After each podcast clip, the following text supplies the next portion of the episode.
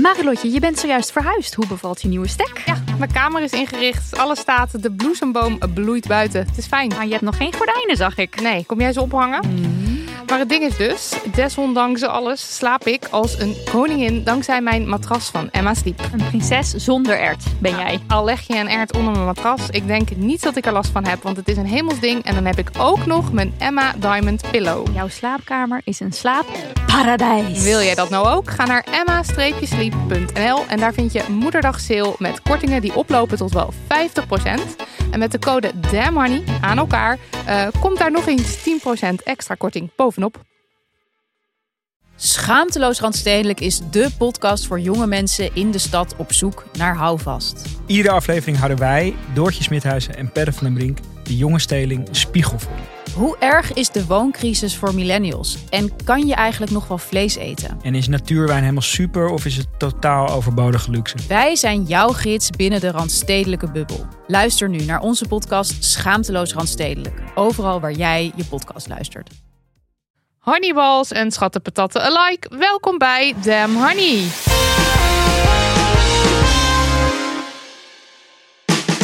De podcast over shit waar je als vrouw van deze tijd mee moet dealen. Mijn naam is Marilotte En ik ben Nidia. en dit is aflevering 166. Het is weer eens een ouderwetse Yes No aflevering. Lang geleden. De eerste van het jaar. Echt lang geleden. Ja, echt mega lang geleden. Ja. Volgens mij was het nog wel december. Toen kwamen al die feestelijke, al wel niet feestelijke dagen. Oud en nieuw. Kletsie klets, en. Ipe. Ja, Was gewoon leuk. het was allemaal leuk. Ja, maar, maar- nu even terug naar de zakelijke zaken, mevrouwen die we eigenlijk zijn. Precies. Met z'n tweetjes nemen we de afgelopen week door wat was top en wat was flop. Mooi. Mooi gerijmd, hè? Ja, Ja. dat heb je goed gedaan. Nou, top was alvast eh, dat wij onze certificaten haalden voor eh, Nederlandse gebarentaal niveau 3. Ik doe toch dit. En dit is 8. God, dat is acht. Ja. Je lever dat certificaat maar weer in. Ja, ik heb dit al vaak gedacht sinds het moment dat ik het kreeg. Maar ik heb ook een persoonlijke flop over het overstappen van bank. Maar ik dacht, ik bewaar dat even voor de volgende aflevering. Want het gaat goed samen met een femi-misser. Maar je kan het dan niet zeggen en dan niet Jawel, vertellen? dit is een, ehm, Oh, een teaser. een teasertje naar de mensen toe. Oké, even lekker maken met hoe het fout ging met de banken. Ja, maar eerst een leuk bericht. Een leuk bericht. Ja, het Ja. ging echt fout. Het is echt schandalig. Oké, eerst een leuk bericht. Of Mhm. beter, leuke berichten. Meer fout? Ja, Ja. want ehm, we gaan dit jaar gewoon even lekker hatseflats starten. En we beginnen met een brief die aansluit op Plasgatgate. Kijk. We zijn er weer Ik hoor. hoop ook gewoon dat dat zo een beetje doordruppelt in al onze afleveringen. Af en toe eventjes... dat plasgat. Hey, dat is leuk hè? Dat is ja. leuk, ja. Ehm, ja, want we kregen een, ja, je zou kunnen zeggen, geruststellend bericht binnen. Dus die wilde ik even voorlezen. Plus, het is dus komende week, goed opletten, Mhm. baarmoederhalskankerpreventieweek. Ja. Heel lang woord, Ja, maar het is het dus wel. ja, Hoe actueel wil je het hebben? heel. En ik dacht, ik even kort eh, cijfers die ik leerde dankzij de baarmoederhalskankerpreventieweek. Mhm. Eh, de deelname van het bevolkingsonderzoek loopt terug onder jonge vrouwen. Not oké. Nee, dat Nee. is not oké. Maar ik weet, ik snap het, maar doe het maar wel. Ja, nee, doe het absoluut. Want de deelname is dus het laagst in de groep 30-40-jarigen. Dat zijn wij. Terwijl, terwijl Ja. 20,2% van deze groep HPV heeft. En HPV is dus de grootste veroorzaker van baarmoederhalskanker. Dus Ik de kans dus- op baarmoederhalskanker is het grootst bij deze groep vrouwen tussen de 30 45 jaar. Want 20% dat is het hoogst. Ja, Ja, oké, dat is wel dus je moet het echt doen. Ja, je moet het echt doen. Maar ik voel me dus aangesproken, terwijl ik wel gewoon braaf uiteindelijk gewoon mijn test op de post heb gedaan. En daarmee ben jij een inspirerend en lichtend voorbeeld voor velen. Ja, dus neem voorbeeld aan mij. Ehm, heel even eh resume voor de mensen die denken plasgatgate. Plasgatgate. Iemand zei plasgate, als in plas, gat en dan eet. is tussen- heel goed. I know. Deze persoon mag voor Plasgate. ons Ga- Maar je kan het niet gaan uitspreken. schrijven, Ja, maar je kan het niet schrijven. uitspreken. Je kan het alleen in tekst ziet het er heel goed uit. Anyway, ehm, een half jaar geleden of iets, denk ik, kregen we een mail van een luisteraar die per ongeluk het staafje van de thuistest voor baarmoederhalskanker in haar plasgat had gestoken. Eh, en dus niet in haar eh, vagina. Eh, en aan de hand van de mail die we, die, die we hebben voorgelezen, kregen we dus nog meer berichten van mensen die zeiden: Oh my god, ik heb ook die staaf in mijn plasgat gestoken en ik had pijn en ik ben nu bang dat de uitslag niet klopt. En Ja. Nou, was helemaal een ding. Toen kregen we dus de volgende brief. Hoi lieve, knappe, intelligente Marilotte en Nidia. Ik luister as we speak jullie laatste aflevering met een uitgebreide mail die voorgelezen wordt over een zelftest voor het HPV-onderzoek. Ik ben dus ook zo'n dombo, nou, ik weet niet Nee, of joh, je is niet. die het stokje in haar plasgat heeft gestoken. Het deed gelijk al enorm pijn, maar ik dacht, huh? Had ik nou al blaasontsteking of een in- vaginale infectie zonder dat ik het door had? En doet het daarom zoveel pijn? Ik bleef dezelfde dag veel pijn houden bij het plassen en ben veel gaan drinken en cranberry tabletten gaan slikken. A classic. Mhm. A classic. De volgende dag waren de klachten gelukkig weer over en luisterde ik toevallig jullie eerdere podcastaflevering waarin een bericht werd voorgelezen over stokje in de plasbuis.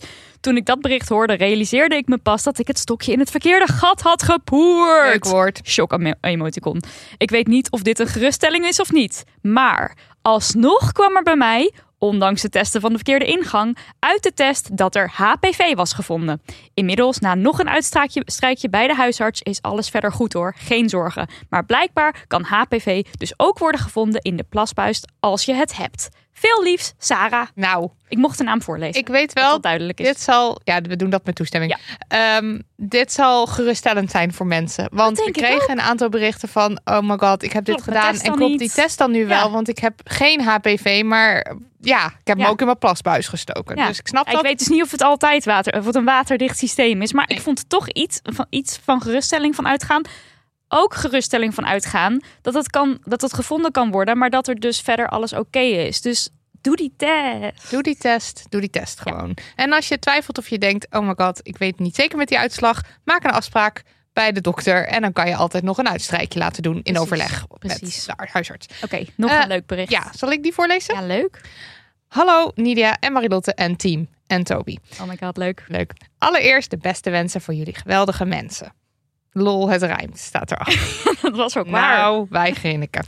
Ik heb voor jullie een vette Damn Yes. Gelijk al direct op dag 2 van het nieuwe jaar. Op 2 januari ben ik namelijk met mijn gezin naar het gemeentehuis gegaan om mijn achternaam te laten toevoegen aan de naam van mijn dochter. Als eerste van de gemeente Heerenveen. Woehoe! Wellicht hebben jullie het nog niet gehoord, misschien ook wel, maar er is een wetswijziging doorgevoerd. Waardoor ouders hun kind vanaf 2024 twee achternamen mogen geven. En er is een overgangsperiode van één jaar mogelijk gemaakt voor alle gezinnen met kinderen geboren in of na 2016 die met terugwerkende kracht hun achternaam mogen aanvullen met die van hun andere ouder. Dit is een zeer feministische wetswijziging en ik schreeuw het van de daken. En ik hoop dat jullie dat willen echoen. Ja, hartelijke warme groeten van Kira. Nou, Bij deze helemaal geëchoed. geëchoed en het is helemaal een geweldige echo. Wat een fantastische yes om het jaar mee te starten. Ja, En ook wat heerlijk dat het werk voor ons gedaan wordt. Ik heb de yes deze week, maar het hoeft niet meer. Nee, dit Dus is het. was hem. Ja. deze aflevering wordt gesponsord door onszelf. ja, deze week geen bedrijf dat ons een zetje in de rug geeft om te blijven bestaan. Terwijl we dat setje in de rug maar al te goed kunnen gebruiken. Ja, en daarom hebben we een Petje Af pagina. eh petjeaf.com slash damhoney. En daar zijn al heel wat geweldige bonusballen die ons financieel steunen. Eenmalig of op vaste basis elke maand. We love you allemaal bonusballies. En dat hoeft dus geen kapitaal te kosten. Hè? Ehm, vanaf, ik mag wel, als je een kapitaal kwijt het moet wil. een kapitaal kosten. Als jij een kapitaal kwijt wil, mag dat aan ons, absoluut. Maar vanaf 1 euro per maand kun je ook al donateur worden. En in ruil voor je money geven we jou onze diepste zielenroerselen. In de vorm van onze exclusieve bonuspodcast. Wil jij dat Damn Honey kan blijven bestaan? Steun ons maandelijks op petjeaf.com slash damnhoney. We moeten maar weer een keer wat leuks doen hè, voor de mensen daar. Ja, misschien kan jij weer een keer huilen in een bonusaflevering. Ik dacht ja. eerder aan iets weggeven. Oké, ja, dat kan ook. Damn, honey, no. Damn, honey, no. Marilotte Hagen. Hmm. Je kan wel horen dat ik een katholieke opvoeding heb genoten. Kan Daniel hier een soort hy- hymne onder, onder, Dat zou leuk zijn. onder editen? Een viooltje, een orgel. Ik ga even een tijdstemp Een opschrijven, compleet- zodat Daniel dat compleet kan koor. doen. Ja. Eh, jij hebt de nobele taak ja, om de allereerste Damn Honey No van 2024 met ons te delen. ja, Ehm, nou, ik ga lekker zitten doe jij dat maar. en jij gaat vertellen. Ja, nou, op de dag van de opnemen, en vandaag is het eh 11 januari, donderdag 11 januari, is begonnen het internationaal, ehm, eh, op het internationaal gerechtshof is begonnen eh, de rechtszaak van Zuid-Afrika, het land Zuid-Afrika, Mhm. tegen het land Israël. Want Zuid-Afrika beschuldigt Israël ervan dat de oorlog die het land voert in Gaza verder gaat dan alleen zelfverdediging en benoemt het als genocide. Ja. En eh, dit, Dit is echt huge, dit hè? is echt huge, want het gebeurt dus in ons eigen land. Ja. Het gebeurt gewoon in fucking Den Haag, in het Vredespaleis. Daar eh, hoort het internationaal gerechtshof nu ehm, de, de klacht die Zuid-Afrika eh, ja, heeft ingediend. En dat zijn allemaal Zuid-Afrikaanse advocaten die dan dat, dat pleiten? die dat dan is- pleiten, ja. Ja. En die zijn, maar die hebben dus vanochtend, om tien uur zijn ze begonnen, tot een uur of één, hebben ze gewoon urenlang hun zaak gemaakt. Mhm. En daar hebben de rechters dan naar geluisterd. Ehm, in de reguliere Het is media. geen no overigens. Dit is geen no. Nee. Dit is best wel huge. Maar ik kan hem moeilijk. Kijk, één, ik heb de yes niet. Maar twee, eh, ik kan het ook niet. Je kan genocide kan ik niet in een yes eh, gieten. Nee, maar dat dit gebeurt is niet, dat vinden wij goed. Dat vinden wij niet een Dit no. vinden wij behoorlijk goed. En eh, ik bedoel, ik denk, de, de no in het verhaal is natuurlijk genocide zelf, maar ook eh, bijvoorbeeld Nederland, die niet gewoon, Ja. ehm, eh, hoe noem je dat? Ja, Zegt, dit is fucking genocide en we Ja. gaan hier, Israël, dit is niet oké. Dat doen we dus allemaal niet. Mm. Wat ik eigenlijk ook een beetje no vind, is dat er in de reguliere media weinig eh, over te lezen valt. Terwijl het Dat vond ik ook. Ik, ik zag het vooral op Twitter. ja, dat heb ik dus eh, ook dat ik het op Twitter zag. En ehm, eh, dat als je dus. Je kon het live kijken op Al Jazeera, Mhm. de Engelse tak. En daar kan je dus, kon je dus live alles gewoon volgen. Er waren een aantal ehm, journalisten die ook live hebben eh, meegetweet. Eh, en dan, als je daar opeens inrolt in, in, dat, in, in, die, in, dat, in, de, in die rechtszaak, dan, Ja. dan, is het, dan is het opeens veel huger dan je als je op NOS gewoon een verhaaltje leest, zeg maar. En NOS die was ook, er was een kop van de NOS Ja. en dat was reputatie Israël staat op het spel bij genocide aanklacht Den Haag. Dit is toch ook weer een bizarre kop. Ja, Reputatie Israël. Het gaat hier niet om reputatie. Nee, het is, het is heel, een hele rare keuze. Omdat het natuurlijk ook, ook gaat over dat er een officiële internationale uitspraak gaat zijn. Ja. Dat, dit Met, met consequenties. met, ja, met consequenties mm, kunnen we het zo nog even over hebben. Oh, ja. Maar in principe, ja, er gaat gewoon een belangrijke uitspraak zijn. Ja. Eh, uiteindelijk, want daar gaat waarschijnlijk over deze specifieke uitspraak over of het inderdaad genocide is of niet. Daar Ja. gaat jaren overheen. Oh ja, run. Daar gaat jaren overheen. Maar eh, ik ga zo nog even uitleggen wat het wel ehm, voor eh, korte termijn consequenties heeft. Eh, maar dat lijkt me, dit, dit is, dat is gewoon heel belangrijk dat die Ja. uitspraak er komt. Maar uiteindelijk is het dus nu weer van: oké, reputatie Israël staat op het spel.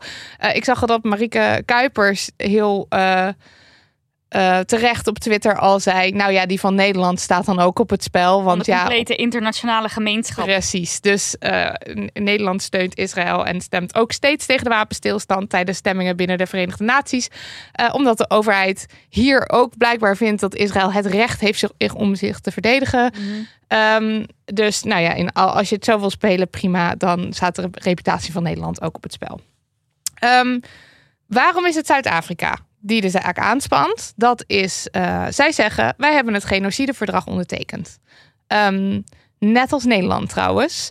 En net als Israël trouwens. Het genocideverdrag werd op 9 december 1948 in Parijs opgesteld. eh, vlak na de Tweede Wereldoorlog. En eh, ging in 1951 trad het in werking. En de ondertekenaars, waaronder dus Zuid-Afrika en Nederland en Israël, hebben de plicht en de verantwoordelijkheid om te melden als genocide ergens gaande is. Ja. En om dus genocideplegers te bestraffen. Dus Ja. om ze voor het gerecht te slepen. Ehm, met andere woorden, Zuid-Afrika neemt diens verantwoordelijkheid. Ja.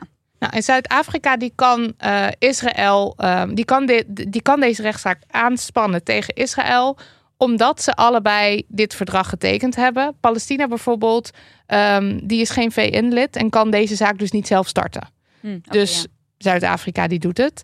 Ehm, en vandaag, op donderdag 11 januari, mocht Zuid-Afrika ehm, dus de klacht uiteenzetten, urenlang. De zaak kon je li- live meekijken. Je kan het ook teruglezen. Bijvoorbeeld eh, op Twitter. eh, journalist Molly Kwel heeft live zitten meetweeten. Ik zal die tweet ook even linken. Ja, ik las ook dat ze, zij schreef ook dat er ook aandacht was voor vrouwen in Gaza. Dat er Ja. 180 vrouwen per dag Per dag. Ja, bevallen. ja. Dat, dat, daar Dat wordt was een van de dingen die ook genoemd werd. Ja, dat klopt. Dus het is. En, en er werd zo. Er werd echt heel erg ehm, tot in de details ook eh, uiteengezet. eh, waarom dat wat Israël doet genocide is. En dan heb je het dus niet alleen over het bombarderen van het land. En niet alleen over, zeg maar, via lucht, land en zee een, een eh. Palestina binnenvallen. Maar ook over het tegenhouden van, ehm, van eten, van schoon water, van medicatie, van hulp. eh, het vernietigen van eh, culturele eh, Scholen, gebouwen, scholen, universiteiten, kerken, alles. Ja. Dan hebben ze dus over alles. Het gaat echt over het vernietigen van het leven. Het vernietigen van de cultuur, van de geschiedenis, van de toekomst. En, en dat mensen nu in Palestina honger hebben, ziek zijn, nergens veilig zijn, mentaal kapot worden gemaakt, fysiek kapot worden gemaakt. Ehm, ja, en inderdaad dat nummer van, eh, of dat getal van 180 vrouwen per dag bevallen eh, in deze hel. En het is pure verschrikking. En dat is, eh, was heel, ja, het is heel heftig om dat allemaal zo te horen. En ook, ja, ik zat er dus deels naar te luisteren, want het duurde dus uren. Maar ik vind het dus ook heel belangrijk dat Ja, dit dus nu ja. gewoon. Het is net als met die journalisten die we dan volgen. Dat je, ja, je wil het niet zien, maar we, we moeten niet wegkijken. Nee, precies. En ja, En nu laat wordt het, gruwelijkheden maar op een rij gezet worden. Om, Ja. om de ernst het is niet zeg maar, ja, om de ernst en de inderdaad. walgelijkheid van de situatie. Het is nu gewoon echt. Dit werd echt via officiële kanalen, hoe moet je dat zeggen, werd het gewoon opgesomd. Ja. En ehm, er is een, eh, er is trouwens een PDF met de klacht van Zuid-Afrika eh, online te lezen. Mocht je er zin in hebben, het zijn 84 pagina's. Ehm, morgen is Israël aan de beurt. Normaal negeert Israël internationale eh, berispingen. Maar nu gaan ze er dus gehoor aan geven. Dat is blijkbaar vrij uitzonderlijk. Oké, je kan dus blijkbaar ook gewoon denken, ik negeer het. Ja, want dat is, dan hebben we het over de consequenties. Dan, eh, ja, maar hij is, nu vindt Israël dus blijkbaar belangrijk genoeg om morgen dus, nou ja, die krijgt dezelfde tijd Ja. om dus te zeggen, nee, dit is geen genocide. En wat ze verwachten, ja precies, en wat ze verwachten dat Israël ook gaat doen is laten zien op welke manier ze dan, op welke manieren ze dan proberen om de burgers van Gaza te beschermen. Ja. Ehm, en eh, het internationaal gerechtshof gaat dus besluiten, nou ja, op langere termijn, over jaren, gaan ze dus eh, uiteindelijk een uitspraak doen over of er inderdaad genocide wordt gepleegd door Israël in Gaza. Ehm, maar op korte termijn, en dan hebben we het echt over binnen een week of wat, ehm, zal er waarschijnlijk een uitspraak zijn over provisional measures. Oftewel, het Hof gaat bepalen of er noodmaatregelen moeten komen. Ja, En eh, waar Zuid-Afrika om vraagt is, nou, Israël moet stoppen met militaire operaties. Israël moet eh, hulp binnenlaten. Israël moet eh, mensen in het leger die misdaden hebben gepleegd straffen. En Israël moet transparant zijn naar de internationale gemeenschap en toezichthouders binnenlaten. ja. En ehm, kijk, het kan dus zijn dat het internationaal gerechtshof zegt: dit moet Israël allemaal doen. Dat is onze uitspraak. Ja. En Israël Kan kan, dan zeggen, dat zeggen, kan het naast zich neerleggen. Want in 2022 heeft het internationaal gerechtshof tegen Rusland gezegd dat ze moeten stoppen met de invasie in Oekraïne. ja, als je het zo zegt, Ja. klinkt het vrij logisch inderdaad dat partijen ook willen zeggen, fuck it, want dan hadden we natuurlijk geen oorlogen. Nee. Ja, oké, Dus- ja, ik heb- was dan toch weer te naïef. Nou ja, je, je denkt het is zo groot. Maar het, het is wel echt groot. En nu komen we heel eventjes terug op die reputatieschade. Ja, Zeg maar, het feit dat Israël dus nu komt, terwijl ze het normaal naast zich neerleggen, ehm, betekent dus dat er wel iets op het spel staat. Want Ja. anders zouden ze het negeren. En eh, Midden-Oosten-correspondent Olaf Koens die zegt: deze zaak past in een breder geheel waarin we zien dat het protest tegen Israël wereldwijd toeneemt. De gevolgen van een duidelijke uitspraak van het Hof, waarin Israël wordt opgeroepen om de oorlog eh, op te schorten, kunnen het land verder in het nauw brengen. Dus Israël wil voorkomen. eh, wil- ja, wil die reputatieschade toch voorkomen. Ja. Dus die gaat zichzelf verdedigen. Ja. Dus er staat wat op het spel. Dus het is wel degelijk belangrijk. En dat gebeurt dus gewoon in Den Haag. Ja. Maar ik vind het wel weer, ja. Ik was ook een beetje, ik dacht, oké, er is dus ook tegen Rusland gezegd dat ze moeten stoppen met de ja, dat invasie is in Oekraïne. heel logisch dat dat gezegd is. En dat er dan, ja, ja, Ja. ja. zo achter nu denk ik, ja, ja, de. Ja.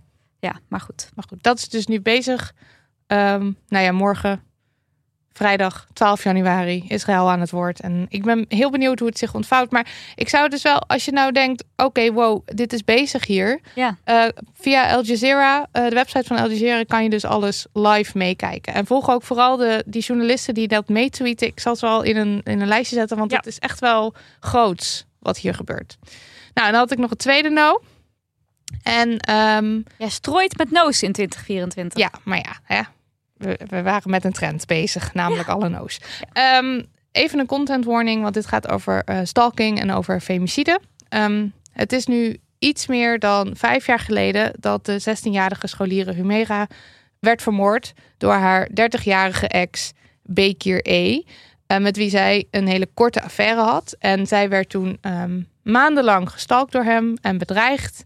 eh, nadat ze hun relatie had afgekapt. En ze deed heel vaak aangifte. Ja. Vroeg tien, ti- tientallen keren om hulp. En niemand greep in. En vervolgens werd ze op school eh, door hem doodgeschoten. Ja. En dit is een verschrikkelijk geval van femicide, maar niet eens officieel. We hebben het hier eerder over gehad, Ja, hè? Klopt. Met, ehm, Eh, René Rumkens. ja, met René Rumkes. En eh, Ja, testen mij eventjes. Ik, ik dacht, weet zij nog, Ja, weet, weet zij nog met wel. wie wij hebben gesproken over femicide? Ja. Eh, met René Rumkes hebben we het erover gehad. En eh, die zei, ja, op het moment dat, een, eh, dat, een- dat je niet geregistreerd Partners partner bent. bent, Ja. dan tel je niet eens mee op de femicide de, aantallen in de officiële femicidecijfers. Ja. Dus voor mij is het een overduidelijk geval van femicide. Is het natuurlijk ook, maar omdat zij dus niet officieel samen was met, met de dader, ehm, telt het dus niet officieel mee-. Ehm, destijds zijn er heel veel fouten gemaakt. De inspectie Justitie en Veiligheid oordeelde ook naar aanleiding van de zaak eh, Humera ehm, dat ze onvoldoende beschermd was en dat de stalking niet goed, goed genoeg herkend werd. Ehm, instanties werkten langs elkaar heen, schatten de risico's verkeerd in en niemand had het overzicht. Er waren bijvoorbeeld maar liefst 50 agenten betrokken bij haar zaak. Ja. Ehm, Wat moet ik zeggen? ja, Het is gewoon een grote verschrikking. maar goed, dit was dus in 2018. Ja. Er is dat rapport En uitgekomen. nu zijn er allerlei stappen gemaakt, Precies. maar niet. Nou, precies. Want anders zou het niet in een no zitten. Ja, ja. Naar aanleiding van het rapport eh, toen zijn er... Er kwam een rapport uit in 2019. Er zijn verbeteringen doorgevoerd. En deze week is een vervolgrapport uitgekomen... genaamd Gestalkt, Gezien, Gehoord. En de aanpak van stalking gaat nog steeds niet goed. Hm. Er is niet niks gebeurd. Ehm, uit het huidige inspectieonderzoek naar stalking blijkt dat politie, OM, Veilig Thuis en, le- en, re- en reclassering sinds 2019 alerter zijn geworden op stalking. Ze herkennen het nu beter, reageren er adequater op en werken beter samen. Alle organisaties hebben geïnvesteerd in mensen die specialistische kennis hebben van stalking. Ehm, dus dat is op zich Dat goed. is iets, ja. Maar ehm, ik heb een interview gezien met de advocaat van Humera. Zij doet meer van dit soort zaken, Mhm. eh, Nelleke Stolk. En zij zegt, ja, het gaat gewoon te langzaam. Het is wel... eh, er zijn verbeteringen, maar uiteindelijk waar zij tegenaan loopt... zijn nog steeds dezelfde dingen als waar ze bijvoorbeeld bij Humera tegenaan liep. En het allerbelangrijkste punt is dat er geen centraal aanspreekpunt is. ja. Er is dus gewoon geen plek bij wie je als slachtoffer terecht kan... ehm, eh, als Bij er stalking. ja, Ja. de- je komt dus de hele tijd bij verschillende mensen terecht. Je gaat naar het politiebureau, je doet aangifte en het hangt dus maar net af van degene die er voor je zit. Ja. Of die, het, eh, op, of die de kennis in huis heeft over stalking, of die het oppakt als stalking, eh, hoe het risico wordt ingeschat en of het dus zeg maar aan elkaar gelinkt werd. Want Humera bijvoorbeeld had 50 verschillende agenten gezien. Ehm, en die had dus ook Gezien ook. Ja, de 50, 50 agenten. Oh, gezien weet ik niet. Ook, nee, 50 agenten hield zich bezig met Ja, betrokken met haar zaak. En zij had dus ook, eh, want ze heeft heel vaak aangifte gedaan. Ze had een heel lijstje met aangiftenummers die ze dan overhandigde. Maar die dingen werden dus nooit, die, die zaken werden nooit aan elkaar gekoppeld. Oh, ja, het is zo frustrerend. En dat gaat dus nog steeds mis. Het Ja. gaat beter, maar het gaat nog steeds mis. Ja. En wat er beter is, is dat er meer, er is meer specialistische kennis bij alle organisaties. Ehm, maar die worden dus niet, zeg maar. Eh, je, je moet maar net bij degene terechtkomen Die met die kennis. weet. Dus het Ja. wordt niet goed genoeg verspreid. Het moet het gewoon is nog veel breder bekend zijn bij precies. iedereen. En dat is het niet. Mm. Ehm, en de communicatie naar eh, slachtoffers toe is nog steeds niet op orde. Dus bijvoorbeeld als een dader een verbod overtreedt of gewoon überhaupt je serieus genomen voelen, dat is dus allemaal niet op orde, waardoor slachtoffers ook denken: ja, oké, aangifte doen heeft geen zin. Ja. En dan doen ze dat dus niet meer. Eh, en in sommige gevallen is ook nog niet duidelijk wie de regie heeft. Nou, dit is iets waar de advocaat van Humera dus de hele tijd tegenaan loopt. Zij zegt, ja, je wordt van het kastje naar de muur gestuurd. Ja. Ehm, je, is- bij het OM zeggen ze nee, dat ligt bij de politie. Bij de politie zeggen ze nee, dat ligt Ja, daar. ja. Mag ik niks over zeggen. En het is dus zeg maar totaal onduidelijk wie er eindverantwoordelijk is. Ja. En het zijn natuurlijk ook hele ingewikkelde zaken. Ik bedoel, met René Rumkes, als je het praat over femicide, ja, er zijn altijd duidelijke patronen, maar Ja. je moet ze wel ontwaren natuurlijk. Ja. En juist daarom heb je, denk ik, een centraal aanspreekpunt nodig. Iemand die, die de verantwoordelijkheid heeft en die kennis verspreidt en die, die kennis over Ja, je zou het- denken dat zo'n punt al zoveel kan helpen. Want dan kan je die patronen in beeld brengen. Ja, Maar- en dat gebeurt dus blijkbaar Ah, niet. ja. Nou, en zeg maar wat er dan verbeterd is, is als een zaak inderdaad wordt opgepakt als hoog risico, Ja. wat dus in het geval van Humera niet gebeurd is, Mhm. maar als het inderdaad aangemerkt wordt als hoog risico, dan gaat het beter. Ja. Dan eh, wordt zeg maar die, die, die kennisterrein aangezwengeld. Ja, het is Eh, geen volledige no. Het is geen volledige Nee. no, maar het is natuurlijk wel, ja, als ik die advocaat hoorde, ja, zij zegt echt, god, ik weet nog wel hoe ik me enigszins moet bewegen in deze, Ja, in deze molen het, van, allemaal wel geleerd de afgelopen ja, precies, jaren. van papierwerk en weet ik het. Maar als Ja. je als slachtoffer hiermee te maken hebt, ja, je loopt gewoon bij de politie naar binnen Ja. of bij, weet ik veel, veilig thuis en, en je moet maar net de goede voor je hebben. En dat kan, is natuurlijk onacceptabel. Er, er zou, het moet, het moet in, Moet centraal. het moet centraal. Ja. Nou.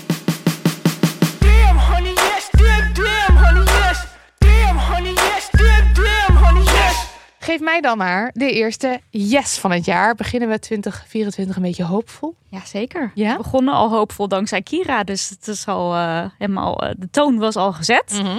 Ehm, ik heb ook groot nieuws in DCS. De vlag mag uit. Ja, Of tenminste, ik ga natuurlijk weer kritisch zijn. ik vond namelijk al dat dit veel te positief begon. Eh, maar goed, ja. nee, het is wel groot nieuws. Want wat eh, de NOS nou kopte afgelopen week, komt ie. Long-covid is lichamelijk en, tussen aanhalingstekens, zit niet tussen de oren, toont onderzoek aan. Jij meent het. Nou, het is wel echt huge. Nee, maar dit Ja. is... eh, Nou, Kijk, toen ik mijn- dit las... Ja, nee, dit is Ja. echt het verschil tussen jou. Want ik las dit en ik dacht natuurlijk... ehm, Oké, hè, hè, eindelijk. Ja, En ik had echt pas later door dat het best wel heel groot nieuws is.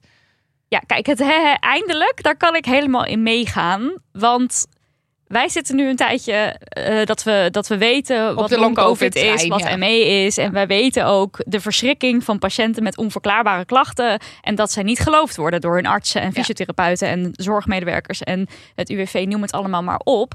Eh, de- en wij, wij geloven die mensen wel. Ja. Dus voor ons was dat onderzoek natuurlijk niet zo ja, belangrijk of zo. Van ja, je gelooft het altijd al. Ja. Nou, maar nu is dan eindelijk dat, dat, dat stickertje er. En dat Ja, is natuurlijk wel heel belangrijk. Ik zag, ik, ik, bij mij drong het later door dat het dus echt heel huge is eigenlijk. Het staat nu zwart op maar wit. wacht. Ja. Oké, want wat dus mensen met long COVID eh, veel te horen krijgen is, nou, het, is een, eh, het zal wel een burn-out zijn, een jonge vrouw met stress, ja, gewoon rustig aandoen. Je doet ook wel heel veel, heel schadelijk natuurlijk allemaal. Mhm. En dan heb je ook nog de categorie, eh, je bent lui, je wil niet werken, jij zoekt aandacht, Ja. je houdt je ziekte in stand, want je denkt jezelf ziek en je praat er zoveel over. Het lui.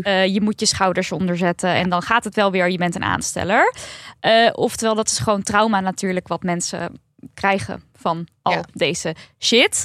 Ehm, en eh, dat krijgen ze natuurlijk niet alleen van zorgprofessionals, maar ook gewoon van hun vrienden en collega's en zo.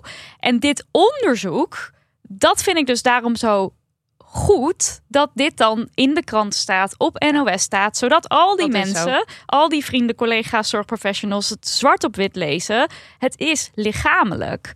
Ja, ik vind dat, dat, ik, ja, ik vind dat dus groot nieuws. Ehm, ik, moeten we heel even kort uitleggen waarom we nou ook altijd ME noemen? Misschien wel. Want ik vind dat altijd, ja, want voor ons spreekt het voor zich, maar ja, oké. ja. Nou, ME, Eh, wordt ook wel ME-CVS genoemd. CVS staat voor chronisch vermoeidheidssyndroom. Dat vinden de meeste mensen met ME een verschrikkelijke term, want het dekt totaal de lading niet van deze afschuwelijke, verschrikkelijke ziekte. Het is een ziekte eh, die mensen ehm, ja, volstrekt eraf laat liggen. Dus eh, ja, jij, jij kan ook wel een paar dingen noemen, maar Nou ja, eh, wat, mensen vaak noemen is totaal en compleet uitgeput. En daarbovenop een griep. En daarbovenop een kater. kater, zo kan je het. Ja. En, en dan zeg maar en dan heb je al die combinaties. gerend. Ja, en en dan- dat is dan hoe je je voelt als je ME hebt. Ja. zoiets. Ehm, en die ziekte die is dus jarenlang, of nou, nog steeds, wordt gewoon genegeerd door heel veel artsen, door, we- door de wetenschap en dus ook door. eh, het wordt gewoon niet geloofd dat dit iets is wat bestaat. En nou, echt, wat mij betreft, een van de grootste medische schandalen die we die ga- gaande is gewoon op dit moment. Ja. Hoe die mensen in de kou zijn gezet. En het ding is dus dat de kenmerkende symptomen van long-covid overeenkomen met ME. En de twee belangrijkste zijn PEM en POTS. En dan even heel kort, PEM, dat is dus post-exertionele malaise. En dat betekent, na inspanning word je nog zieker. Ja. En inspanning is dus mentaal en fysiek. Dus mentaal, eh, je kijkt een serie die je nog nooit gezien hebt. Je maakt een kruiswoordpuzzel, je hebt een gesprek met iemand. Daarvan kan je dus al zieker worden. En fysiek kan dus gaan van, nou, ik ging een stukje fietsen, maar het kan ook echt al zijn, ik ging van mijn bed naar de bank. Het Ja. is dus afhankelijk van hoe ernstig eh, de ziekte is bij iemand, want je hebt er allemaal gradaties in. Eh, en eh POTS, dat betekent dat als je rechtop gaat zitten of staan, dat je hartslag heel snel gaat, want je bloed blijft in je benen. En eh, je hart probeert dat dus alsnog naar die hersenen te krijgen, krijgen, want die hersenen hebben natuurlijk dat bloed nodig. En op het moment dat je dus eh, rechtop blijft zitten of staan en je hebt POTS, nou, dan ga je je duizelig voelen, je gaat je vermoeid voelen, flauw vallen kan, je voelt je gewoon algeheel niet lekker. Daar kan, ik denk dat heel veel mensen zich daar wel een voorstelling van kunnen maken als er geen bloed naar je hoofd gaat. Dat het dan Dat is niet, niet lekker een prettige gaat. situatie. Nou, en veel mensen met ME en met long covid, die liggen dus veel Ja, om te zorgen moeten- dat dat bloed dus, ja, ja, dat dat bloed dus gelijk verdeeld is. Nou, die klachten die zijn dus kenmerkend voor zowel ME en long COVID. En eigenlijk dus vooral van ME. Het, het is bijna een soort van, ja, nu gaat long COVID ermee weg, weet je wel. Want dit zijn juist precies de mega bekende eh, symptomen van ME. Ja, en dit is ook waarom het denk ik dus wel belangrijk is om het altijd eventjes te koppelen. Omdat Ja. als ik het heb over long covid en dan dat door elkaar ga gebruiken met ME, Voor dan ons- zitten mensen. Voor, Ja, mij voor is ons is het logisch. Ja. Maar ja, En het is ook echt hetzelfde. We hebben ook gewoon een medisch professional gesproken, Dr. gespecialiseerd, Visser. dokter Visser, gespecialiseerd in ME, die zegt: ja, er is geen onderscheid. Ja. Voor mij is het Kijk, allemaal hetzelfde. Het onderscheid is, het enige onderscheid wat heel duidelijk is, is bij long COVID weten we heel duidelijk wat de aanleiding is. Namelijk, je had een COVID-infectie en enige tijd daarna eh, Ja. is, zijn deze klachten ontstaan en wellicht dus nog erger geworden. En mensen met ME die kunnen soms zeggen van nou, ik had griep of ik, had, eh, ja, ik voelde me niet goed. Daarna is dit gestart, maar sommige mensen met ME die kunnen ook, die hebben niet een duidelijk aanwijsbare ehm, start. Eh, maar dat is dus wel de, de ja, het is, het is semi hetzelfde. Ja, en ze noemen het dus postvirale ehm, Infecties. infecties. Ja. ja. Eh, en dus omdat die ME-groep al jarenlang tegen die muur oploopt, niet serieus genomen worden, daarom moeten we ze altijd noemen. Ja. En deze, terug naar het onderzoek, dat is dus super fijn, want we weten nu, het is geen verzinsel, het is een leugen. Je kan het onder je fysiotherapeut neus drukken, onder je arts, onder je UWV-type die jou geen geld wil geven, want je, je bent lui. En dat is dus ehm, amazing. Amazing. Amazing. Amazing. Hoe werkte dat onderzoek? Ze hebben een groep mensen met long covid en een groep zonder long covid op zo'n fiets gezet om keihard te moeten fietsen. Mhm. Een inspanningstest is dat. En dan hebben ze zowel voor eh, het fietsen als na het fietsen spierweefsel afgenomen. En wat bleek? De mensen met long covid, eh, die hebben een veel hogere schade aan het spierweefsel dan de mensen zonder long covid. Maar echt dat het spierweefsel een soort van doodgaat. Het is echt gewoon niet oké wat er gebeurt in dat weefsel. En bij de groep met long covid werken de mitochondriën niet naar behoren. En mitochondriën, dat zijn een soort energiefabriekjes. Die zitten in al je lichaamcellen. En ze zijn vet belangrijk voor het aanmaken van energie. En zonder energie kan je zowel mentaal als fysiek niet presteren. Nou, je hebt dus nauwelijks. echt zwart op wit, wit hard keihard bewijs dat dus eh, beweging de mensen met long covid en ME daadwerkelijk zieker maakt. Precies, en dat is heel belangrijk, omdat eh, dus eh, zowel bij ME als bij long COVID er een tijd is geweest, en bij ME geloof ik nog steeds aan de hand is, Ja. dat artsen beweging voorschrijven Ja. als oplossing, als medicijn. En dat komt omdat we met z'n allen heel erg eh, dat aangeleerd hebben. Hè? Be- beweging is altijd goed. Mhm. Altijd, ga even lekker wandelen. Goed voor je conditie. Conditie is goed. Nou, bij ME-mensen, bij long-covid-mensen is dat dus niet het geval. Je moet echt iemand met ME en long-covid zelf laten aangeven wat wel of niet kan. En ook als je het zelf hebt, is het heel moeilijk om te zeggen... nou, van, vandaag kan ik dit. Want ehm, tijdens de activiteit voelt het vaak nog best wel oké. Maar die PEM, dus dat ziek worden na inspanning... die klapt zo'n, nou wat is het, 17 tot 72 uur of zo... na die inspanning, klapt die zo keihard over je heen. En Ja. dan voel je je dus echt alsof er een trein over je heen gereden is... en En je hebt een kater en je hebt griep en je hebt... Ja, dat Ja. is echt niet oké. En dat kan je dus ook echt eh, voor lang, voor, op chronische basis kan het je, je ziekte, ja, laten, het kan je laten verslechteren. En daar kan je dan dus niet makkelijk weer eventjes bovenop komen. Zo Nee. van, oh, dan heb ik eventjes eh, die PEM en dan eh, Nee, het, daarna ma- voel ik me weer helemaal goed. het, of zo. maakt, het maakt de ME of long covid dus ook erger. Ja. En de, de, de behandeling in eerste instantie met long covid was dus ook dat mensen in de bewegen werden gezet. Ja. Nou, dat is nu volgens mij niet meer Ja, de officiële behandeling. Eh, en bij ME worden mensen dus niet geloofd Nee, ehm, in wat ze hebben. En dan zit het tussen je oren en dan heb je gewoon stress. En dan moet je gewoon lekker buiten komen. Nou, wat dus met andere woorden, ga lekker bewegen. Ga lekker eventjes frisse neus halen. En Ja. mensen worden dus gewoon fucking zieker. Ja, Eh, en we hebben voor, want we schrijven dus dat boek over ME. We zijn allemaal wel eens moe. ja. Eh, Annika Mels Met- boek, wij schrijven het alleen Wij maar, maar schrijven is haar verhaal op. en haar verhaal, ja. En ehm, eh, daarin zeggen ook mensen in, want we nemen, ook wat interviews af met mensen. En mensen zeggen ook, ja, als er, zodra er iets is, zwart op wit, dat ik kan bewijzen, jij, jij hebt dit, je bent echt ziek, dan ga ik Ja. terug naar, eh, naar, nou niet alleen UWV, UWV maar dat Ja, het vooral UWV eigenlijk. bepaalt dus hoeveel geld je krijgt, hè, de uitkering voor mensen die... Te, ja, Oh, als ja. Je hier, ja, dat kan, hè, dat je er nooit iets mee te maken hebt gehad, dat je denkt, wat is dat dan Ja. precies? En mensen Daar klop met je aan. ME worden daar notoir genaaid. Ja. Eh, je, je wordt er niet geloofd. En ehm, mensen met ME lopen echt. Die, daarvan wordt dan gezegd: jij kan 20 uur werken. Wat dus niet zo is, want ze hebben die fucking PEM. Ja. En ze, en ze storten in. En, eh, maar ze, En die botsen die alles. Ja. Ik bedoel, ja, het is niet alleen dit, het is nog veel meer. Ja. eh, maar de ze zijn dus te ziek om te werken. Maar ze worden niet geloofd. Dus wordt er gezegd: je kan werken, je kan je eigen geld verdienen, je krijgt geen geld. Ja. Eh, en dat is allemaal omdat ME lange tijd ehm, dus niet officieel. Ja, ze- mensen, artsen wisten niet goed wat het was. Nee, maar zal ik dan nu even met mijn enorme kanttekening komen? Ja. Want ehm, het pijnlijke feit wil. Ik vraag me af of jij dit weet. In 1991 Oh. Ja. is er al spierweefselonderzoek gedaan bij mensen met postviraal vermoeidheidssyndroom, zoals ze dat toen noemden tijdens dit onderzoek. En wat kwam daaruit? Oh De nee. mitochondriën werken niet naar behoren. Het is niet precies hetzelfde onderzoek, maar deze Oh, kennis nee. is dus niet volstrekt nieuw. 1991 was dit al bekend. Ehm, sowieso zijn er heel veel onderzoeken gedaan. Of nou, niet heel veel te weinig, laat ik dat vooropstellen. Maar er zijn al allerlei onderzoeken naar allerlei symptomen, allerlei klachten van ME gedaan.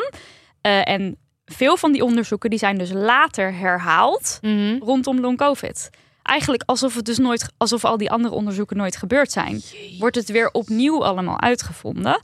En dat is natuurlijk Een dikke no. een, ja, een dikke no. Want er blijft dus elke keer in dat frame gehangen worden, waarmee de NOS dus ook kopt. Het zit tussen de oren. Ja. En de NOS die kopt het juist om het tegendeel te bewijzen. Maar het laat wel zien hoe sterk die overtuiging dus elke keer weer is. Want artsen die willen er gewoon niet aan dat beweging slecht voor je kan zijn. nee.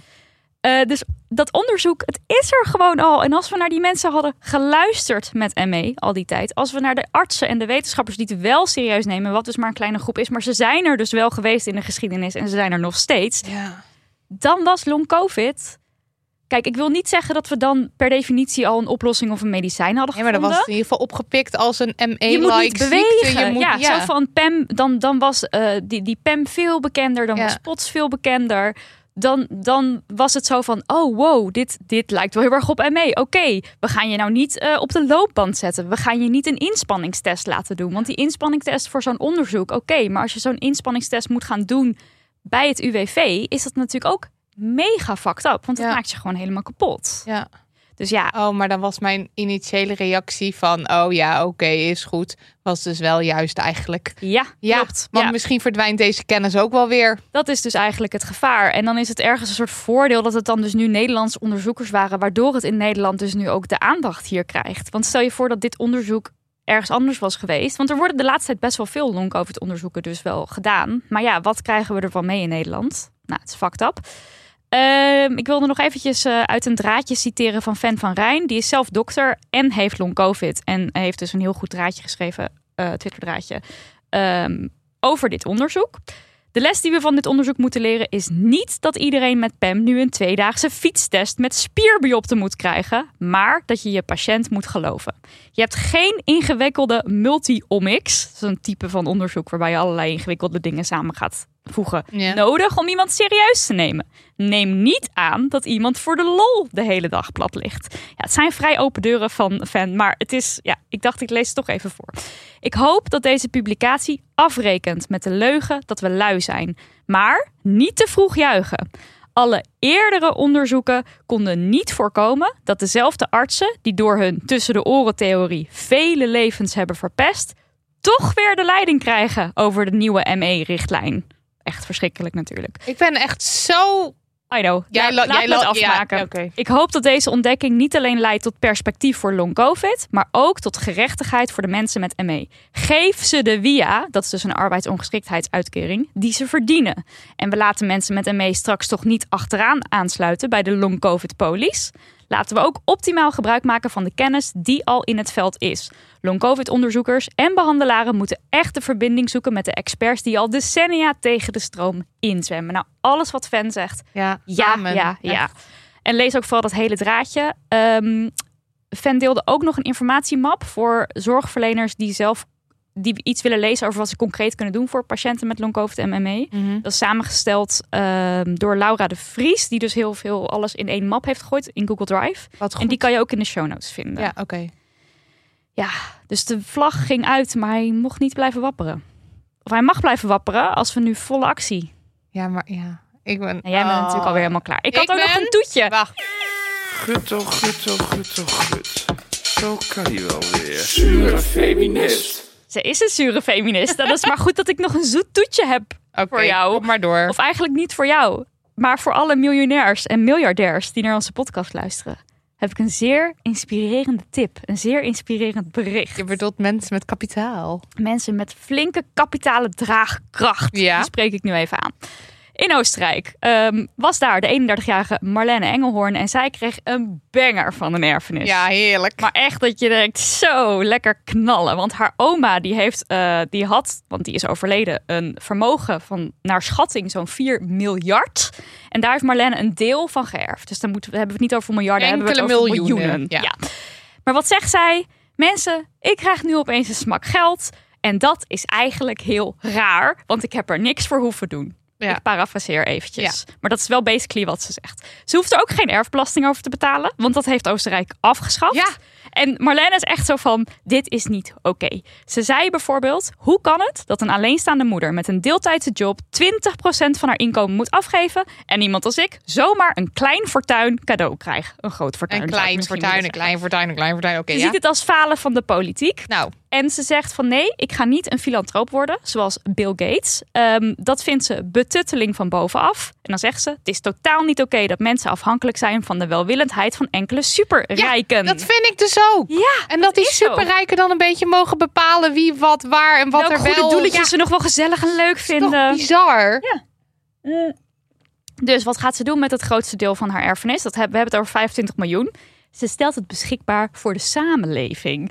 En ik vond dit heel leuk, want wat hebben ze nou bedacht? Of wat heeft ze bedacht? Ehm, er is een speciale commissie samengesteld.